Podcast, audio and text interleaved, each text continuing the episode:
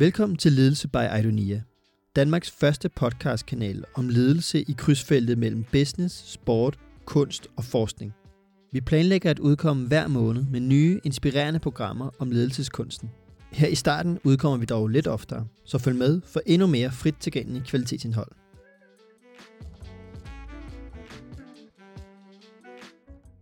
Vi starter dette kapitel af Ledelse med trolde med et kort citat fra digtet The Road Ahead og The Road Behind af den tidligere baseballspiller George Moriarty.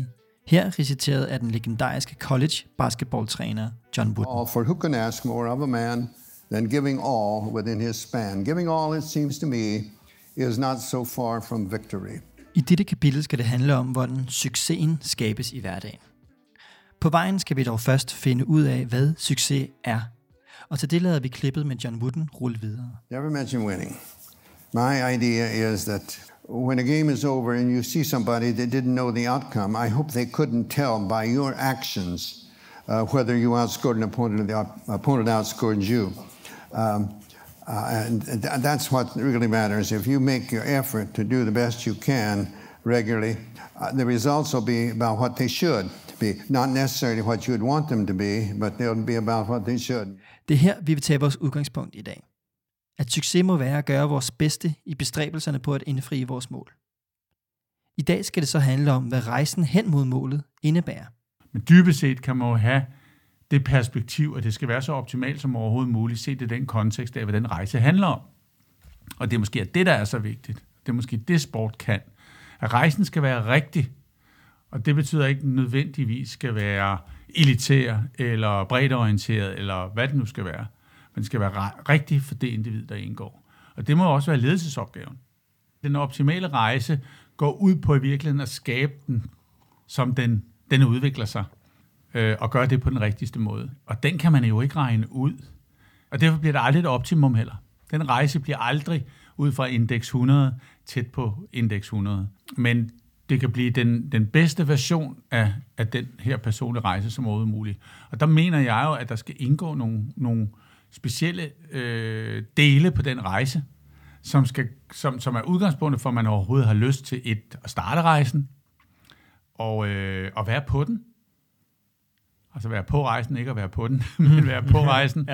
ja. øh, og, øh, og hele tiden have lyst til at fortsætte den.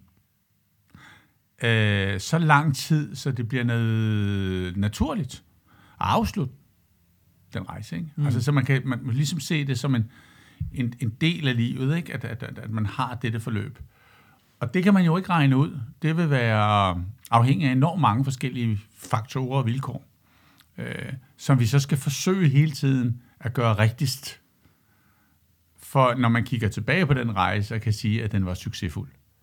Uagtet hvilket resultat det måtte skabe. Øh, og, og de resultater, vi skaber undervejs, hvad enten vi måler dem på dannelse af mennesker, eller øh, uddannelse inden for et kompetencefelt, eller det at blive en, en enorm effektfuldt element, som man decideret kan tale om noget resultatskabende og værdiskabende for, for øh, det fællesskab, man indgår i. Det er jo sådan set evnen til at forløse det, der er succeskriteriet, som er udgangspunktet for, om det bliver en succesfuld rejse. Og der er succeskriteriet for at være med i et meningsfuldt fællesskab med sine venner, jo et lige så legitimt succeskriterie for den enkelte, som at blive landsholdsspiller. Og derfor er det ret rart at, at have det der begreb succes, og kunne nuancere det i forhold til den enkelte. Så vi ligesom løsriver os lidt fra det der sådan enormt, øh, øh, kan man sige, øh, vertikale med landsholdet er det højeste, og bredt og elite og alle de der ting der. Men virkelig tager udgangspunkt i, hvad er succesfuldt for det enkelte menneske. Og det, det vil være den samme tilgang, synes jeg, man bør have, uanset hvor man er på de spektre der. Ikke? Det er jo egentlig at oversætte det grundlæggende tilgang til det her succesbegreb, til den kontekst, du er i. Hvad kan vi definere som succes her? Og jeg tror, det er ret vigtigt at have det perspektiv, sådan en form for grundfilosofi, fordi det vil altid skabe den største succes. Og hvis succesen er at vinde, så vil det altid skabe flere vundne kampe, for eksempel. Hvis succesen er at få flere medlemmer, så vil det altid skabe, hvis du har forstået det her rigtigt, så vil det altid skabe flere medlemmer. hvis øh, succesparameteren er at skabe glade børn øh, til ungdomsfodbold, så vil det skabe det, hvis man forstår, hvad succesen er i den kontekst, man arbejder ind i. I denne serie har vi forsøgt at spejle vores viden fra sportens verden om ledelse, motivation og engagement ind i andre domæner. Men hvad er det præcis, vi kan lære fra lederne i sportens verden? At hvis vi taler om øh, muligheden for at oversætte det her øh, individuelle perspektiv, altså det at være spilleren eller atleten, øh, og prøve at sammenligne det her med at være medarbejderen for eksempel, eller skal tale det over i ledelse i andre domæner, så er der fantastisk meget at komme efter i sportens verden.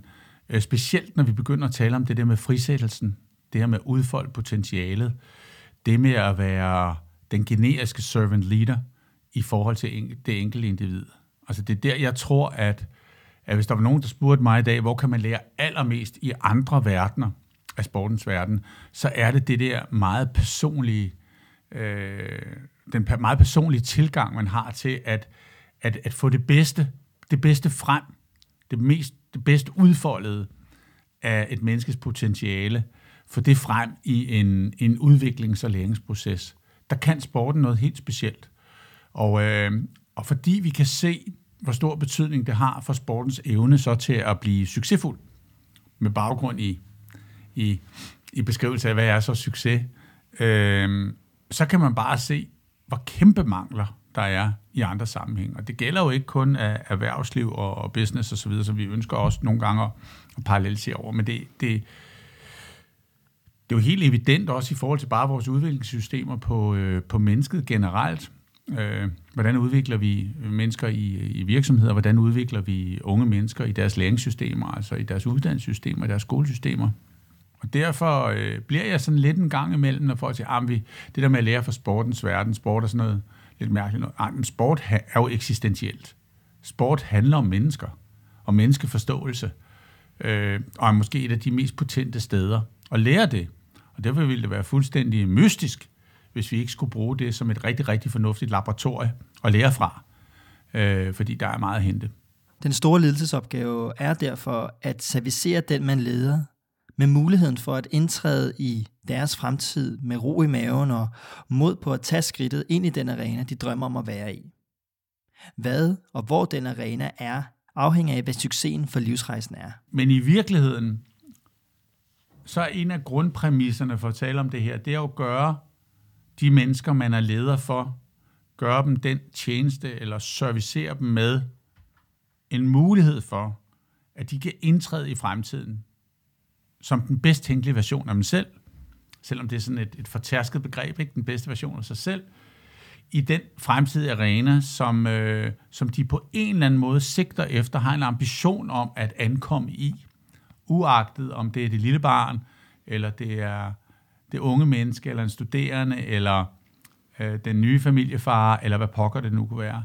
Men, men, men her også meget i forhold til, til en idrætskontekst, at de kan ankomme der på den bedst tænkelige måde.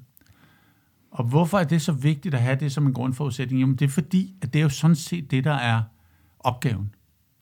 Opgaven er at skabe den ankomst.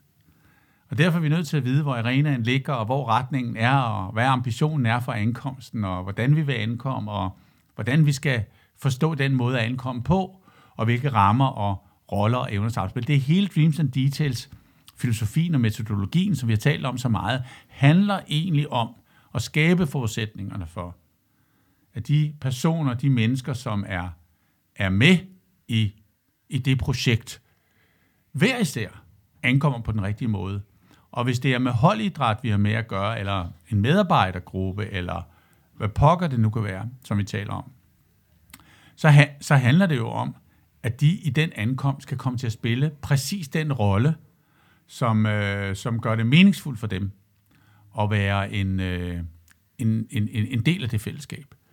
Og for den rolle og de evner, de har, og det samspil til at fungere så optimalt som overhovedet muligt, så, øh, så de opnår det her, det, det som vi kalder livseleksieren, eller mening med livet, nemlig med, med at, at, at, de, at når de ankommer i arenaen, så føler de i den grad, at deres ankomst er ønsket, er anerkendt og er elsket af dem, der står og modtager dem. Så, øh, så dem, der ankommer, føler, at det er er, er, er så fantastisk en følelse for dem, og, og i den grad være ønsket. Ikke?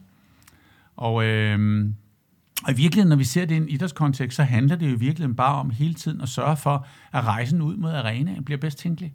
Og ankomst bliver bedst tænkelig. Fordi hvad kan vi gøre mere? Altså det er vel opgaven, kan man sige. Det er vel det, det handler om. Og det er bare rigtig svært. Der er virkelig, virkelig mange komponenter, der indgår i, i kan man sige, den måde at se tingene på. Øh, og uanset hvilken rolle man så end spiller i det forløb, for den enkelte forholdet, for sig selv og sin ledelsesopgave eller sit lederteam, så handler det om hele tiden at vende tilbage til og sige, jamen det er jo, det er jo sådan set det, der er opgaven. Fordi løser vi den opgave, så vil ankomsten teoretisk set blive den bedst tænkelige. Det kan godt være, at den ikke teoretisk set vil blive den bedste. Øh, der kan være så mange forudsætninger, som kunne have været bedre, og derfor kunne vi godt have ønsket os, at de forudsætninger var bedre, og derfor så var ankomsten også blevet bedre. Men det var så bare ikke de livsvilkår, vi var, vi var udsat for. Så derfor må vi hele tiden vende tilbage til den der relative bedømmelse af, øh, blev det her det bedst tænkelige i den givende sammenhæng? Og det er også ret vigtigt som leder og som deltager på rejsen, at det er det, som forankrer vores oplevelse af, om det var en succes. Og ikke om ankomsten blev på et givet niveau nødvendigvis, eller om vi vandt så så mange gange efter ankomsten, øh, fordi det er relativt til en lang række parametre, som vi nogle gange ikke kan styre. Og vi kan jo heller ikke altid styre, hvordan andre ankommer til den arena, hvor vi eventuelt skal spille imod dem, eller bare være sammen med dem. Øh, så det synes jeg er ret vigtigt. Hvis man ligesom skal slutte fred med sin egen ledelsespræstation, eller sin egen holdning til, gjorde vi nu det her rigtigt, så er det den refleksion, man skal have og ikke refleksionen af, hvor mange kampe vandt vi, eller hvor dygtig blev den enkelte spiller relativt set i forhold til en enkelt kamp, eller hvad det nu kunne være. Det er det her mere grundlæggende perspektiv. Det kan være nemmere sagt end gjort. Så hvordan udfylder man den ledelsesopgave i hverdagen?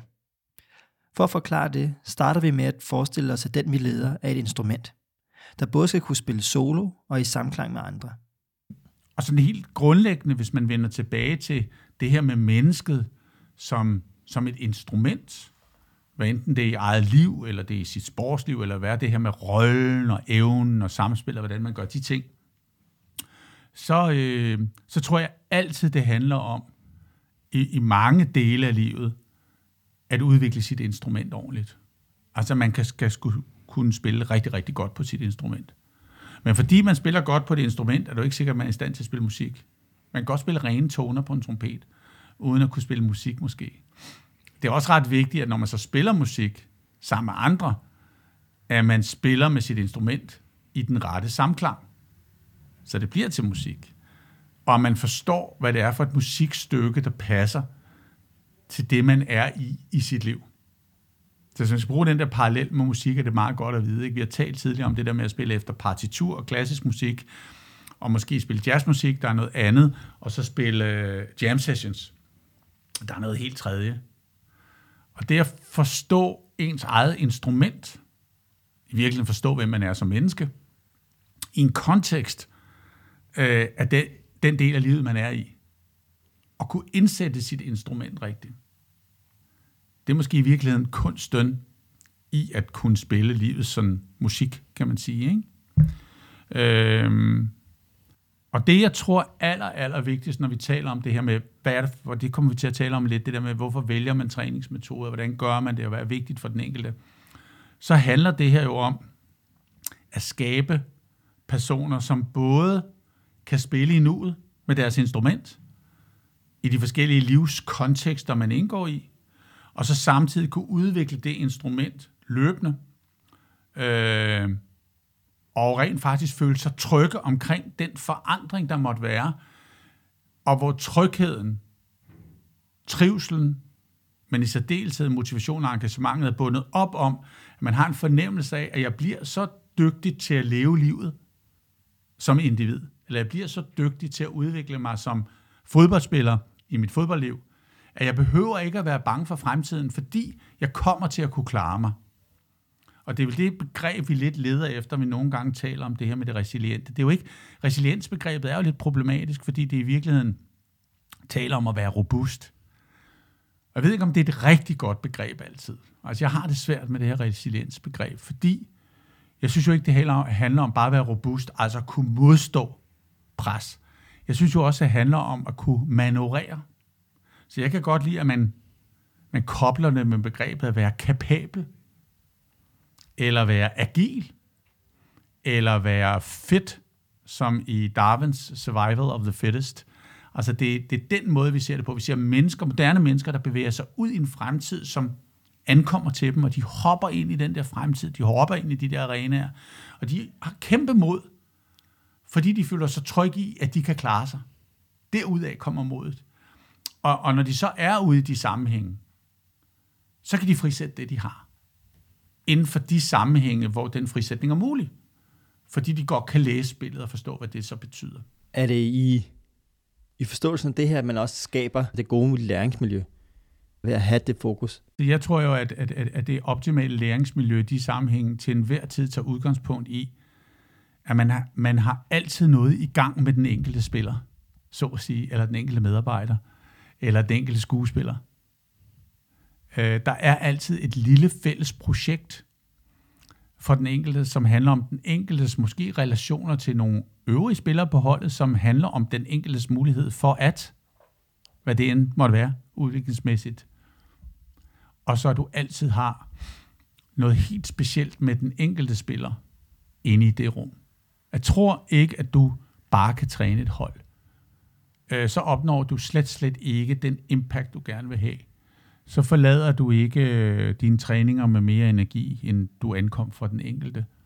Men det er meget svært at forstå nogle gange, fordi man nogle gange tror, at, at det at træne et hold, det handler om at lave nogle, nogle holdtræninger, og så slår man op i en bog, man har læst, og finder nogle øvelser, Øh, jeg prøver altid at sige til trænere, prøv at forstå, hvad det er for en rejse, dit hold er på. Du ved jo godt, at det handler om volleyball, vil jeg sige. Og du ved jo godt, du kender jo dit hold, og du ved nogenlunde, hvad for en rejse de er på. Det fortæller dig, hvad det er for nogle øvelser, du skal lave. Fordi de skal jo passe til den rejse. Der kan du ikke bare slå op i en, en trænerhåndbog og finde en øvelse og sige, det er det rigtige for mit hold. Det kan du godt, men det vil ikke opfylde kriteriet om at gøre det mest optimalt. Så man skal være ret dygtig til det, at kunne lave den oversættelse. Det er lidt anderledes, når man arbejder helt ned på ungdom, måske i volleyballsporten, hvor vi Peter Moral, en dygtig udviklingschef, jeg har arbejdet sammen med mange år i Volleyball Danmark. Det er en af de dygtigste mennesker, jeg har mødt på, på, på bredt ungdomsudvikling. Han lavede Kids Volley i, i Danmark, som jo var, var en tilgang til, at man faktisk kunne lave det konceptuelt. Altså, de startede med kaste-gribespil. De spillede 4 mod 4 over badmintonnet. Der var altid næsten alle spillere på banen hele tiden, og, og først når de så kunne det, fik de lov at spille seksmandsvolleyball, fordi først der havde de faktisk glæden ved at spille på en rigtig volleyballbane at der var en tilgang til det. Der kan du godt vælge mere koncepter og øvelser osv. Men lige så snart du begynder at bevæge dig ind på, at det handler mere om den individuelle rejse, så er du nødt til at have et, et andet perspektiv. Så er det ikke bare en fabrik, du kaster folk ind i. Det er jo mennesker, du har med at gøre. Øh, og det er jo det, trænere bør jage, plejer jeg at sige. Fordi det er der i succesen ligger, at kunne skabe det. Så jeg synes, det var martrende nogle gange. Altså i, i Holte, jeg coachede 1000 kampe i Holte. Tror jeg, over 1000 kampe, damer her, over 10 år. Jeg havde altid sådan en sort mappe, hvor alt sad i. De vigtige ting, spillermanualen, som alle spillere fik, som var sådan en håndbog i, hvad, hvad er det at være en del af, af den her helt specielle Holteånd. Noget var skrevet, noget var skrevet mellem linjerne. Øh, den fik man, når man ankom, man gennemgik den. Sådan her ser det ud. Sådan er det en del, at være en del af det her hold. Øh, og min mappe var en, en sort mappe, ikke for at signalere noget specielt, men den har sikkert også været rød et år. Øh, og første side af den mappe var altid dagens træning. Og det at sidde om eftermiddagen og lave den her første side i den sorte mappe, som var aftens træning, øh, husker jeg som et kæmpe mentalt pres. Fordi at jeg i virkeligheden sagde til mig selv, Michael, det skal være den bedste og mest rigtige træning netop i aften, som udgangspunkt. Så hvad skal det indeholde? Hvor er vi kortsigtet? Øh, hvad skal vi langsigtet? Er der noget for den enkelte i den her træning også, der gør, at når Henrik, Ole eller Mads kommer til træningen så vil de føle, når de går derfra, at det var meningsfuldt at være der i de to timer. Det var ikke altid, det var så fortænkt, som jeg prøver at beskrive det nu, fordi det er jo at sætte ord på noget, som man nogle gange bare føler. Men det var det der kæmpe pres, der var. Også når vi lavede taktisk forberedelse. Det skulle bare være i orden. Øhm, og det er jo netop, at man ikke bare sætter sig ned og kopierer noget. Fordi det kan du ikke. Du er, du, du er simpelthen nødt til at, at gøre det rigtige i forhold til din forståelse af, hvad, hvad du er i. Så kunne der være nogle grundelementer, man ønskede for, at forbedre over lidt længere sigt, som altid indgik. Og det er det, jeg gerne vil forsøge at invitere ind i, og, og også prøve at forklare, hvor, hvor insisterende man bør være i forhold til sin egen præstation, at det skal være i orden. Jeg tror ikke altid, spilleren tænkte på, når den der sorte mar blev, blev, blev åbnet, så var der lå der altså timer øh, bag de ting.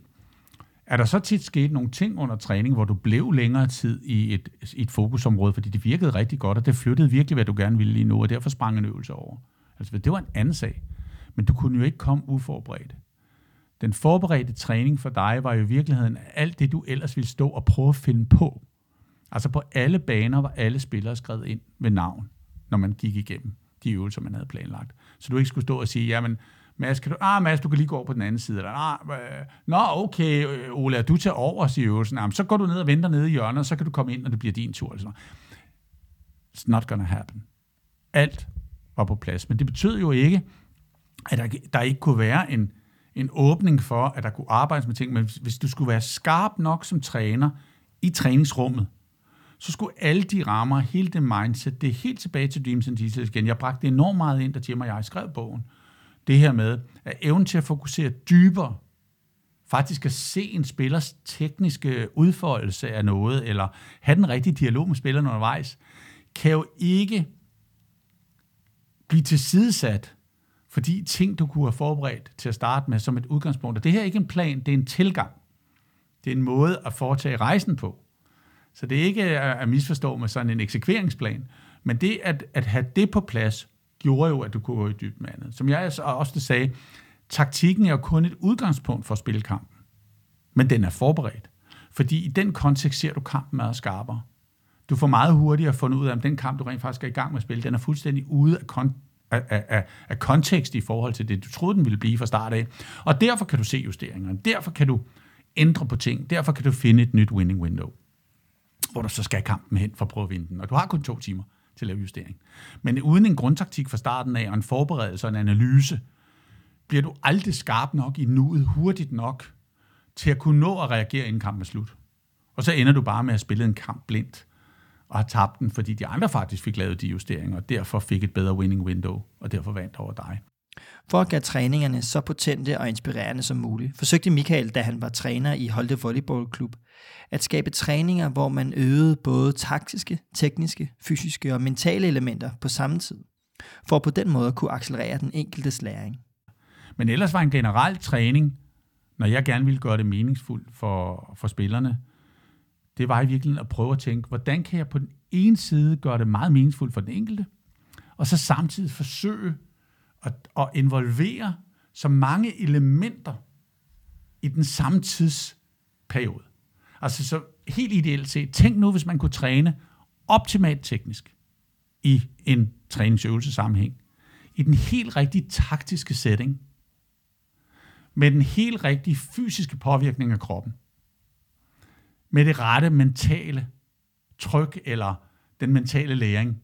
Hvis man kunne alle de fire ting samtidig inden for et givet tidsmoment, så vil man jo optimere alle disse elementer inden for den samme tidsperiode. Hvis man kun træner teknisk i en periode, og udlader de tre andre komponenter, så vil du skulle bruge fire gange så meget tid, hvis du skulle integrere de der komponenter. Men det er enormt svært at kombinere dem. Men hvis man kan det, så vinder man jo dybest set udviklingstid. Og du har det menneske involveret, der bliver træt af at være i træningen, i en læringssituation, der vil være væsentligt mere potent, hvis du har alle fire komponenter involveret. Og det er derfor, at, at, at, at, at nogen af af de dygtige, synes jeg, mentorer, som har talt ind i det her. Amerikanerne har haft en vanvittig dygtig talentudvikler, der hedder John Kessel, som har stået for deres udvikling. Og han sagde helt tilbage for 30 år siden, hvor jeg mødte ham første gang, at, øh, at der må simpelthen ikke være noget i træningen, der ikke er funktionelt. Altså der ikke ses i en spilkontekst, der lærer spillerne noget om spillet. Og det er selvfølgelig vanskeligt nogle gange, fordi kan vi træne tekniske færdigheder i en funktionel sammenhæng, så fokus på teknik bliver kraftig nok. Det kan jo være vanskeligt. Og det samme med de andre komponenter. Og derfor tit og ofte kom vi nogle gange også i gamle dage til lidt at dele det op i teknisk, taktisk, fysisk og mental udvikling. Og jeg kan jo godt lide, at mentale træning af en volleyballspiller rent faktisk sker i en funktionel sammenhæng. Jeg synes, mental træning er fantastisk, også øh, når man ligger og visualiserer til musik og de der ting, man kan lave. Fordi det er også noget, du kan lave uden for en træningskontekst. Øh, forstået i en, i, en, i, en, i, en, i en halv forståelse, altså hvor du er inde i hallen, eller hvor du er på fodboldbanen osv. Så, videre. så det kan du lave som et add-on, det er også fint nok. Men det er ret vigtigt også at have det i en funktionel sammenhæng. At du simpelthen kan genkende den mentale situation, du står i, og du ved måske, at du har kunne klare den tidligere, og derfor kan du også klare den nu, og du har faktisk redskaberne til det. Og det kan være svært nogle gange, hvis man alene har ligget og lavet øh, mentaltræning til, til rolig musik, eller mindfulness, eller andre ting, som man kan, bestemt kan bruge. Fordi det er ikke sikkert, at, at det er så overførbart. Og rent faktisk viser det sig, at rigtig mange af de ting, som vi laver, som ikke er meget sådan game-related i en forstand, der er transferen ikke særlig stor. Og det er også det, øh, Javorski skriver i sin bog, som man bliver sådan lidt skræmt over, når man kigger tilbage i sin egen trænerkarriere og siger, Gud, er der, er der virkelig så lidt transfer imellem noget af det, vi dybest set gjorde dengang, og evnen til at involvere det i spillet. Og derfor så, øh, så tror jeg, at det, at, at, at, at det handler meget om at prøve at virkelig at forstå spillet, og så få de der træningskomponenter til, til at være kalibreret rigtigt i forhold til den der, det der rum, vi gerne vil flytte. Og så det, at de, disse elementer i træningssetuppet hele tiden rammer den enkelte rigtigt.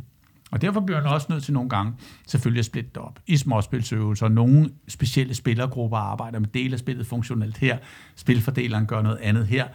Og det at skabe de rum, og også nogle gange det at prøve at, og, øh, og hele tiden gøre det så, så kamprelevant, så også dine omgivelser i kampen giver dig feedback øh, mange steder arbejder øh, vi i dag med haller, hvor du har en kæmpe skærm i hallen, som hele tiden har 30 minutters delay. Så når du har gennemført en ting, så kan du lige kigge op, og stod jeg rigtigt i forsvar, så kan du lige se, hvor du, hvor du stod i forsvaret, fordi den er 30, minutter, øh, øh 30 sekunder forsinket.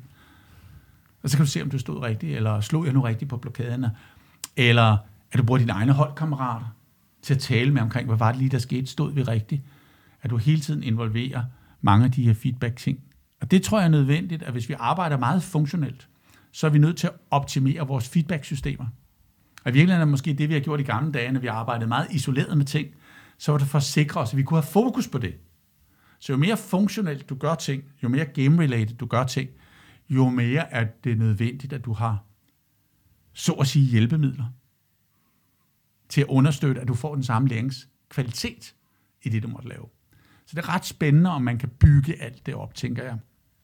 Øh, og, øh, og tilbage til Kessel, som, som, som grundlæggende siger, at, at alt bør i virkeligheden være, som sagt, øh, game-related. Ikke?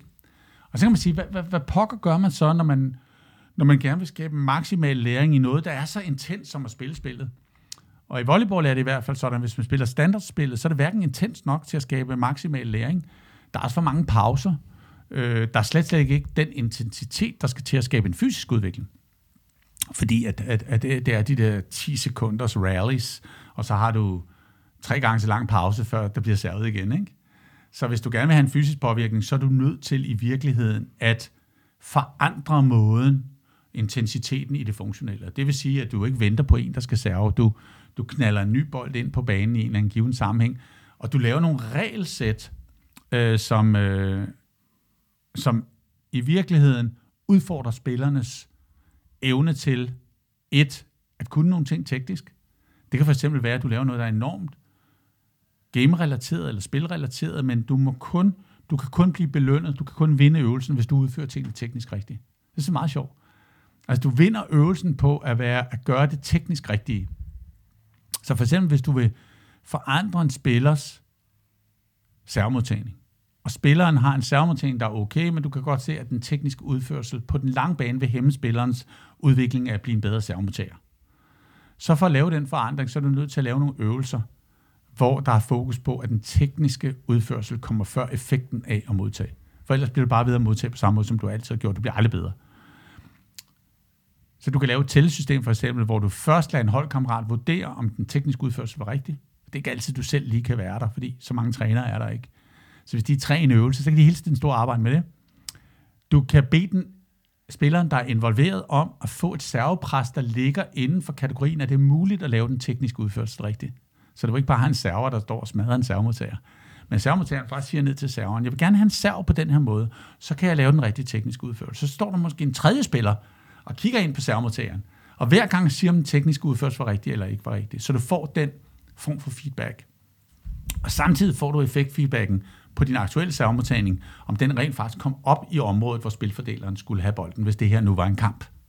Og på den måde kan du hele tiden kalibrere, så det tekniske egentlig er hovedfokus, men det laves hele tiden i en funktionel sammenhæng. Og det handler ikke bare om at få den godt op til spilfordeleren. Der er faktisk nogle præmisser for det. Men du kan også som den, der skal udvikle sig, øh, være med til at præge det setup, der måtte være omkring den her funktionelle sammenhæng, hvor i du både har en dialog med den, der giver dig feedback på det, du laver, og på den, der rent faktisk træner dig.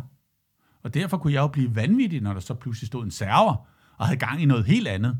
Ja, nu skal jeg lige se, om jeg ikke lige kan lave et servo på ham, eller nu ser jeg lige to bolde svært. Ah, okay, de gik så lige i nettet. Nå, men, altså, det er ikke et projekt der. Projektet er, at den servomodtager, der er, skal nu udvikles. Og du er dybest set som server en alene servant leader, der provider bolde, altså sørger for, at der kommer bolde over til vedkommende, af den rette kvalitet for at det her det kan fungere. Det er et meget godt eksempel på, hvor teknikken er i højsædet. Så kan det pludselig være, at du siger, nu vil vi prøve at se, hvad den teknik kan klare i en anden funktionel sammenhæng. Så nu sætter jeg spilleren ind på sin rigtige plads på banen. Med en anden servomodtager ved siden af, så vi får et interpersonelt samspil mellem de to, hvor der også kan serves mellem dem. Og vi ligger og justerer et servepres, som vi oftest øh, for eksempel øh, opgav med procenter. Altså det her med, øh, skulle vi, øh, skulle vi øh, skulle der serves 100% med servefejl involveret, eller skulle der serves 70% uden servefejl, for at se, hvordan det virkede i en funktionel sammenhæng. Og så kunne vi begynde at koble på, okay, når der så er servet og modtaget, skal vi så have en spilfordeler på, der hæver til en angriber, skulle det eventuelt være til den, der muligvis selv havde modtaget bolden, for at se, om den relation fungerede. På den måde kunne det bygge det op. Så bliver det meget mere funktionelt. Men det er stadigvæk en funktionel setting, det hele. Det er alt sammen lavet rigtigt øh, i forhold til nettet. Øh, og alle disse feedback-systemer i form af feedback på det kvalitative, altså det tekniske, og det kvantitative, altså effekten af det, vandt jeg bolden, tabte jeg bolden, hvad gjorde jeg, at det hele tiden er i højsædet. Kan man få skabt de der rum, og få det enkelte individ til at være i det, så bliver det pludselig meget, meget meningsfuldt at være der. Fordi vi i virkeligheden er tilbage til det, vi har talt om så mange gange, nemlig at evalueringen og derved anerkendelsen og det at skabe elskværdighed omkring den enkelte, bliver sat i en setting og en kontekst, der giver mening for den person, der er i det. Og først der kan du få det til at virke. Så faktisk kunne vi godt sige, hvis du ikke er i stand til at generere disse måder at arbejde på, hvis du ikke er i stand til at få skabt den der meningsdrevne motivation hos den enkelte, så kan du slet ikke fastholde det her system. Og så bliver det bare random learning. Altså så bliver det bare, det kender vi også oftest lidt nogle gange fra den amerikanske metode, også, også i særdeleshed for Østeuropa i gamle dage. Altså, ja, jamen det er bare repetition, og så lærer de det vel. Hvor jeg er helt klart af en anden overbevisning. Hvis vi laver det her rigtigt, så kan du accelerere læring. Og det tror jeg, man kan lære meget af i andre verdener. Både i kunstens verden, så deltid i erhvervslivet. Hvor vi har så mange kontraproduktive evalueringssystemer af medarbejdere i dag, i forhold til det, vi lige har talt om her, som gør, at de rent faktisk ikke øh, bliver inviteret ind i de her rum her. De er ikke eksisterende. Også oftest, fordi vi har nogle antagelser om, at vi egentlig bare driver medarbejdere på øh, trivsel, et rart sted at være, det er godt at gå på arbejde, men, og vi skal jo have, vi skal jo have et arbejde, og, og i virkeligheden nogle af de ting, der lever, øh, ligger langt nede af motivationskontinuumet. Og derfor var man slet ikke skabt i rum. Den amerikanske volleyballtræner Doug Beal er et rigtig godt eksempel på en leder, der forsøgte at accelerere hans spillers læring ved at sætte dem fri, og ikke lade sig hæmme af hans egne antagelser om, hvad der var rigtigt og forkert. For dem, der ikke kender Doc Beale, der er der nok ikke så mange, der gør, hvis man ikke er volleyballnørd, desværre. Men han var sådan den helt mest toneangivende træner i 80'erne.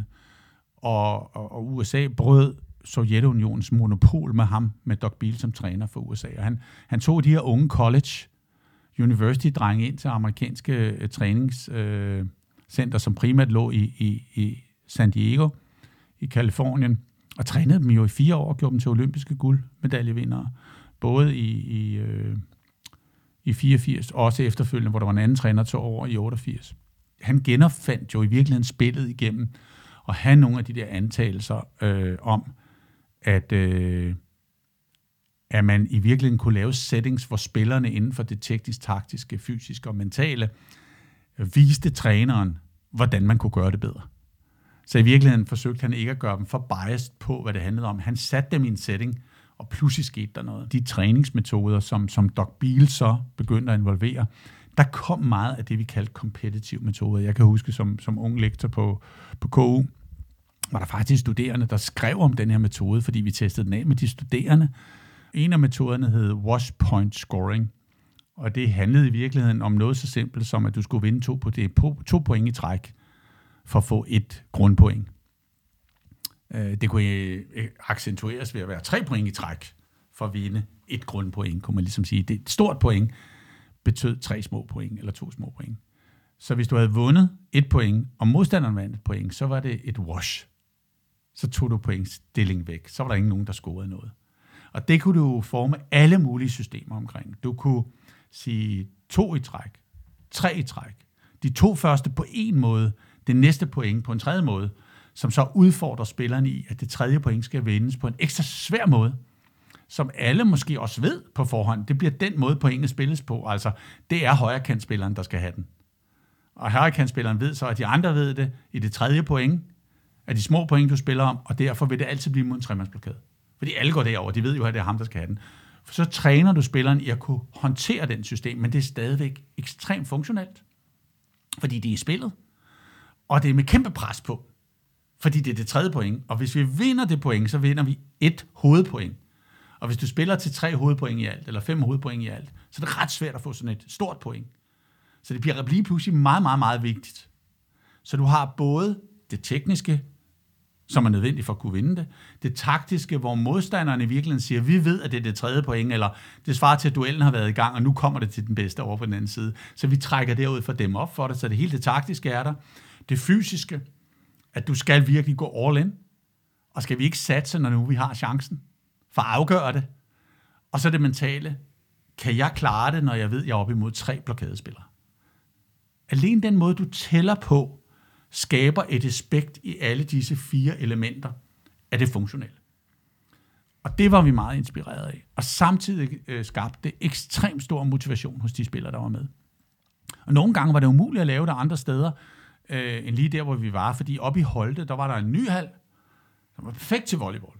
Og så var der den gamle hal, der var bygget for 40 år siden, som var alt for lav, og man næsten ikke kunne lave noget i den, andet end de der små hurtige spil. Det var altid torsdag aften, der var vi i den gamle holdhal, som den eneste gang om ugen. Resten af dagene, der var vi jo over i den anden hal, i den perfekte hal. Ikke? Så det var altid om torsdagen, hvilket også var meget godt, for torsdagen var en tung træning. Det var den sidste træning, du kunne køre hårdt på, og stadigvæk have restitution nok frem til kampen om søndagen. Fredagstræningen var mere teknisk-taktisk, lørdagstræningen var en formiddagstræning, modning af holdet frem mod kamp osv. Men folk glædede sig altid til den der træning i den gamle holdhal, fordi det var sådan en, hvor man næsten flåede hinanden i stykker i de der kompetitive øh, systemer, som udviklede sig mere og mere. Nogle gange kunne det være noget med, at hvis du så mistede det der tredje bold, så skulle du rotere baglæns en gang. Fordi nu havde du haft chancen, men du missede den. Så nu bliver du nærmest straffet ved, at du skulle rotere en rotation baglæns.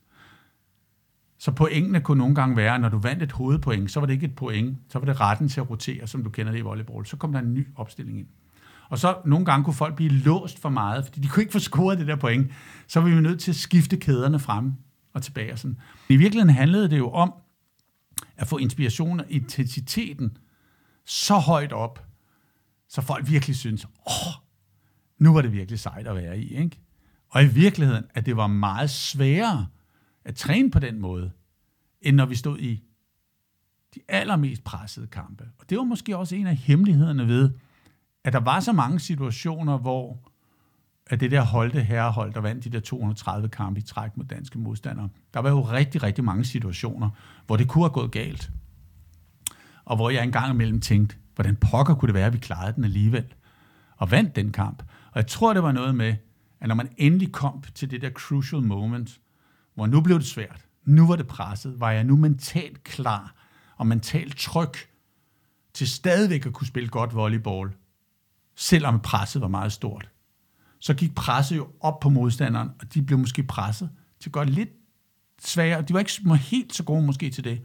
Og vi spillede meget internationalt og trænede måske på den her måde, og var begunstiget af, så det er ikke en kritik af de andre hold, men fordi der var rigtig, rigtig mange gode spillere i det miljø, så kunne de jo lægge træningsbaren meget højt. Og derved blev de egentlig klargjort til både teknisk, taktisk, fysisk og mentalt. På det niveau af high performance at kunne klare den alligevel. Uden at, at choke, ikke?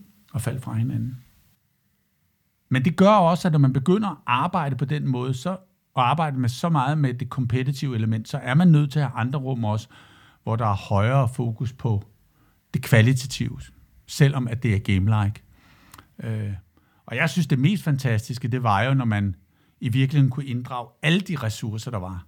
Altså, hvordan får du forankret i den enkelte, at de virkelig forstår, hvordan bruger vi statistik? Hvordan bruger vi øh, tallene? Hvordan skal jeg forstå Hvordan kan jeg bruge dem til min egen udvikling? Hvordan kan jeg få mine holdkammerater til at hjælpe mig med det? Så vi alle sammen forstår det rigtigt.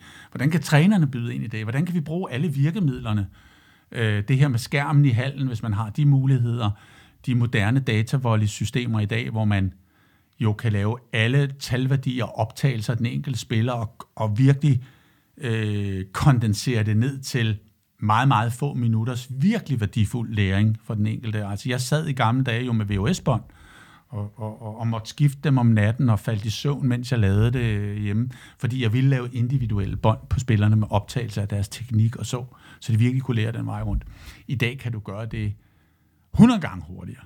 Øh, hvordan man inddrager alt det her i den her sammenhæng, er måske i virkeligheden det virtuose. Det er virkelig sådan high performance, hvis man kan. Det er rigtig svært at lave. Så også når jeg taler om det her, så er det jo også lidt at prøve at forklare, hvad vi forsøgte, men også, at det var slet ikke i alle sammenhæng muligt at gøre det. Øh, men jeg tror også i bund og grund, at det var det, som i en eller anden forstand skabte, at der var nogen, der gerne ville ofre meget af deres livsrejse på en sportsrejse. Fordi der i virkeligheden var de her elementer af meningen. Det handlede ikke om at vinde om søndagen, og så var alt okay. Eller det handlede ikke om at blive dansk mester, eller pokalmester. Eller for den sags skyld at komme til, til, til Final Six i, i, Champions League i volleyball i Europa. Det handlede om alt det andet her, vi talte om, hver eneste dag. Hvis det ikke var der, så var det slet ikke muligt at skabe resultaterne. Så kunne det sådan set være lige meget. Og det er jo det, som jeg, vi så gerne vil får andre til at forstå, det er, at det, det er der guldet ligger. Det er også derfor, Kasper Julemand siger, at det der med guldet vindes i hverdagen. Ikke? Det er jo en oversættelse af det her begreb. Ikke? Øh, altså det er hverdagen, det handler om. At hvis man ligesom skal lave en sløjfe på det i en eller anden forstand, så, så handler det om, om den der meningsfulde deltagelse i træning og i, i kamp, i de kamproller, du får, i det fællesskab, du indgår i, og det hele i virkeligheden handler om, at du har en anerkendelseselskværdig rejse igennem det. Og derfor handler det også om, om det hele menneske, i en eller anden forstand. Øhm, jeg tror, det er meget vigtigt, at man i virkeligheden forestiller sig, hvis man er leder og træner, hvordan, hvordan har mine spillere det? Altså man skal bare tænke på, okay, nu er det en kedelig tirsdag, og du har dine øh, 14 spillere, og de vågner om morgenen, og de har deres studier, og de har deres erhvervsarbejde, og de har deres kærester, de har alt muligt. Om aftenen skal de igen til volleyball. Og hvad er det, der skal gøre, at de i løbet af dagen tænker, ja, fedt, jeg skal til volleyball i aften. Altså, hvad er det, der gør, at de sætter sig ind i den der bus? Eller i gamle dage, at de gik seks personer ind i Lars Bergs Fiat 127. Når de kom ud af den der, så var det jo ligesom sådan en film der blev ved at komme spillere ud. Altså en, han havde en lille grøn Fiat 127, tror jeg, som, øh, som de kørte til træning i ud fra Amager, startede de, og så samlede de op, og så samlede de Jesper Lundtang, hed han, fra Roskilde op ind på hovedbanen, og så kørte de ud til Holdehallen og tilbage igen, ikke? Hver eneste aften. Hvad er det, der i virkeligheden motiverede dem for at, at, at have lyst til det? Og når de så kom ind i hallen, hvor var den personlige mening, ikke? Og, og det at tænke, hvordan får du skabt det der for den enkelte? Øh, vi havde jo altid line-up inden træningerne, og jeg synes, det vigtigste på den line-up var i virkeligheden at perspektivere hver eneste gang drømmen, retningen, vores fælles ambition. Hvorfor det var inspirerende at være der. Hvordan vi tænkte vores træning. Hvad skulle den kortsigtede og langsigtede? Hvad var det for en ramme, vi satte op?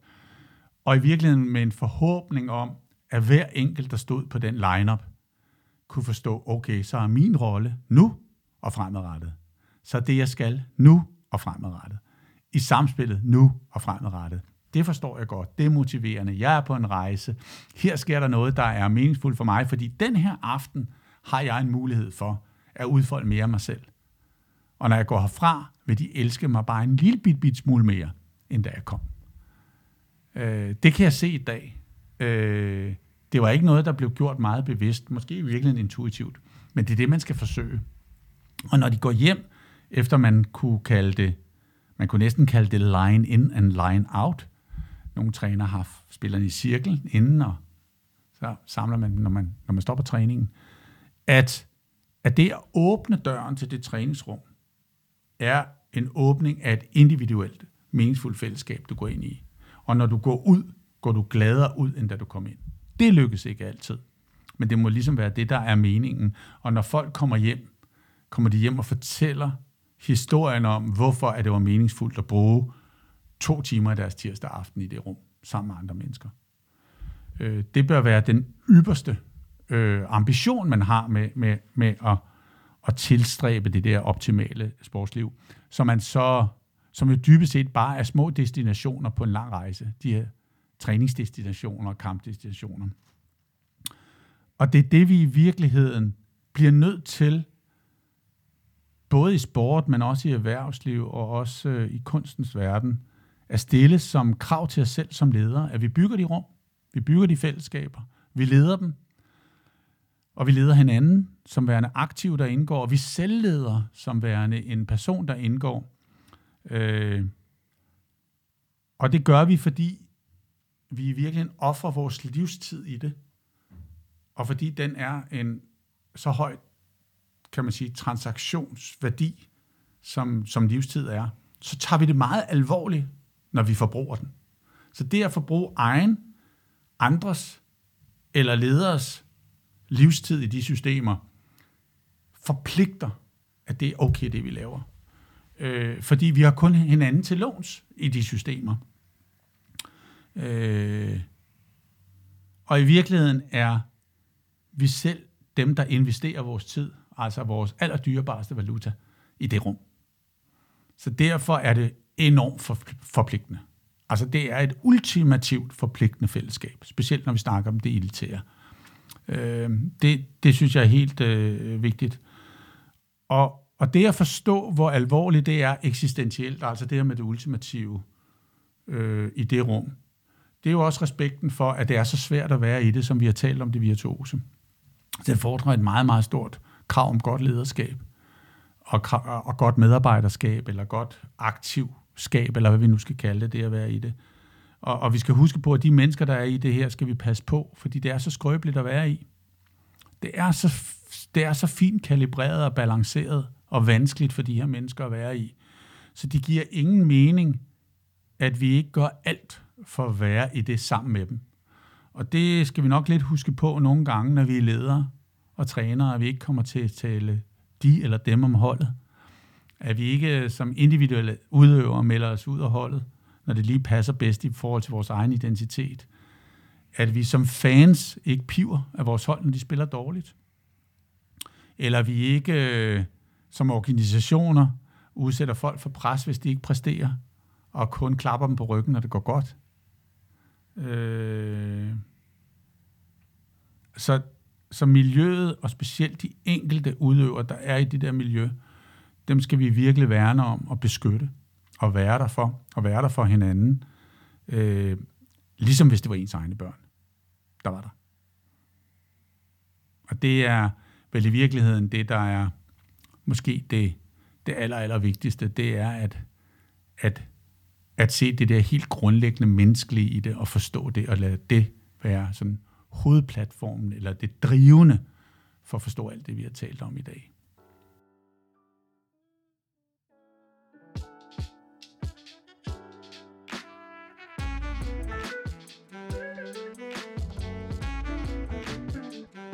Du har lyttet til et program i serien Ledelse med Trolde. Mit navn er Anton Mærkød Knudsen. Jeg er redaktør på kanalen og har derudover min ekspertise inden for præstationspsykologien. Michael og jeg håber, vi har været i stand til at inspirere dig, og at du vil sende ønsker til emner eller interessante personer, du gerne vil høre fra, i kommentarsporet eller på mail kontakt Og hvis du vil blive yderligere inspireret om ledelse, rådgivning eller bestyrelsesarbejde, er du velkommen til at besøge idonia.dk og se under fanen Insights. For nu vil vi bare sige tak, fordi at du lyttede med. Vi høres forhåbentlig ved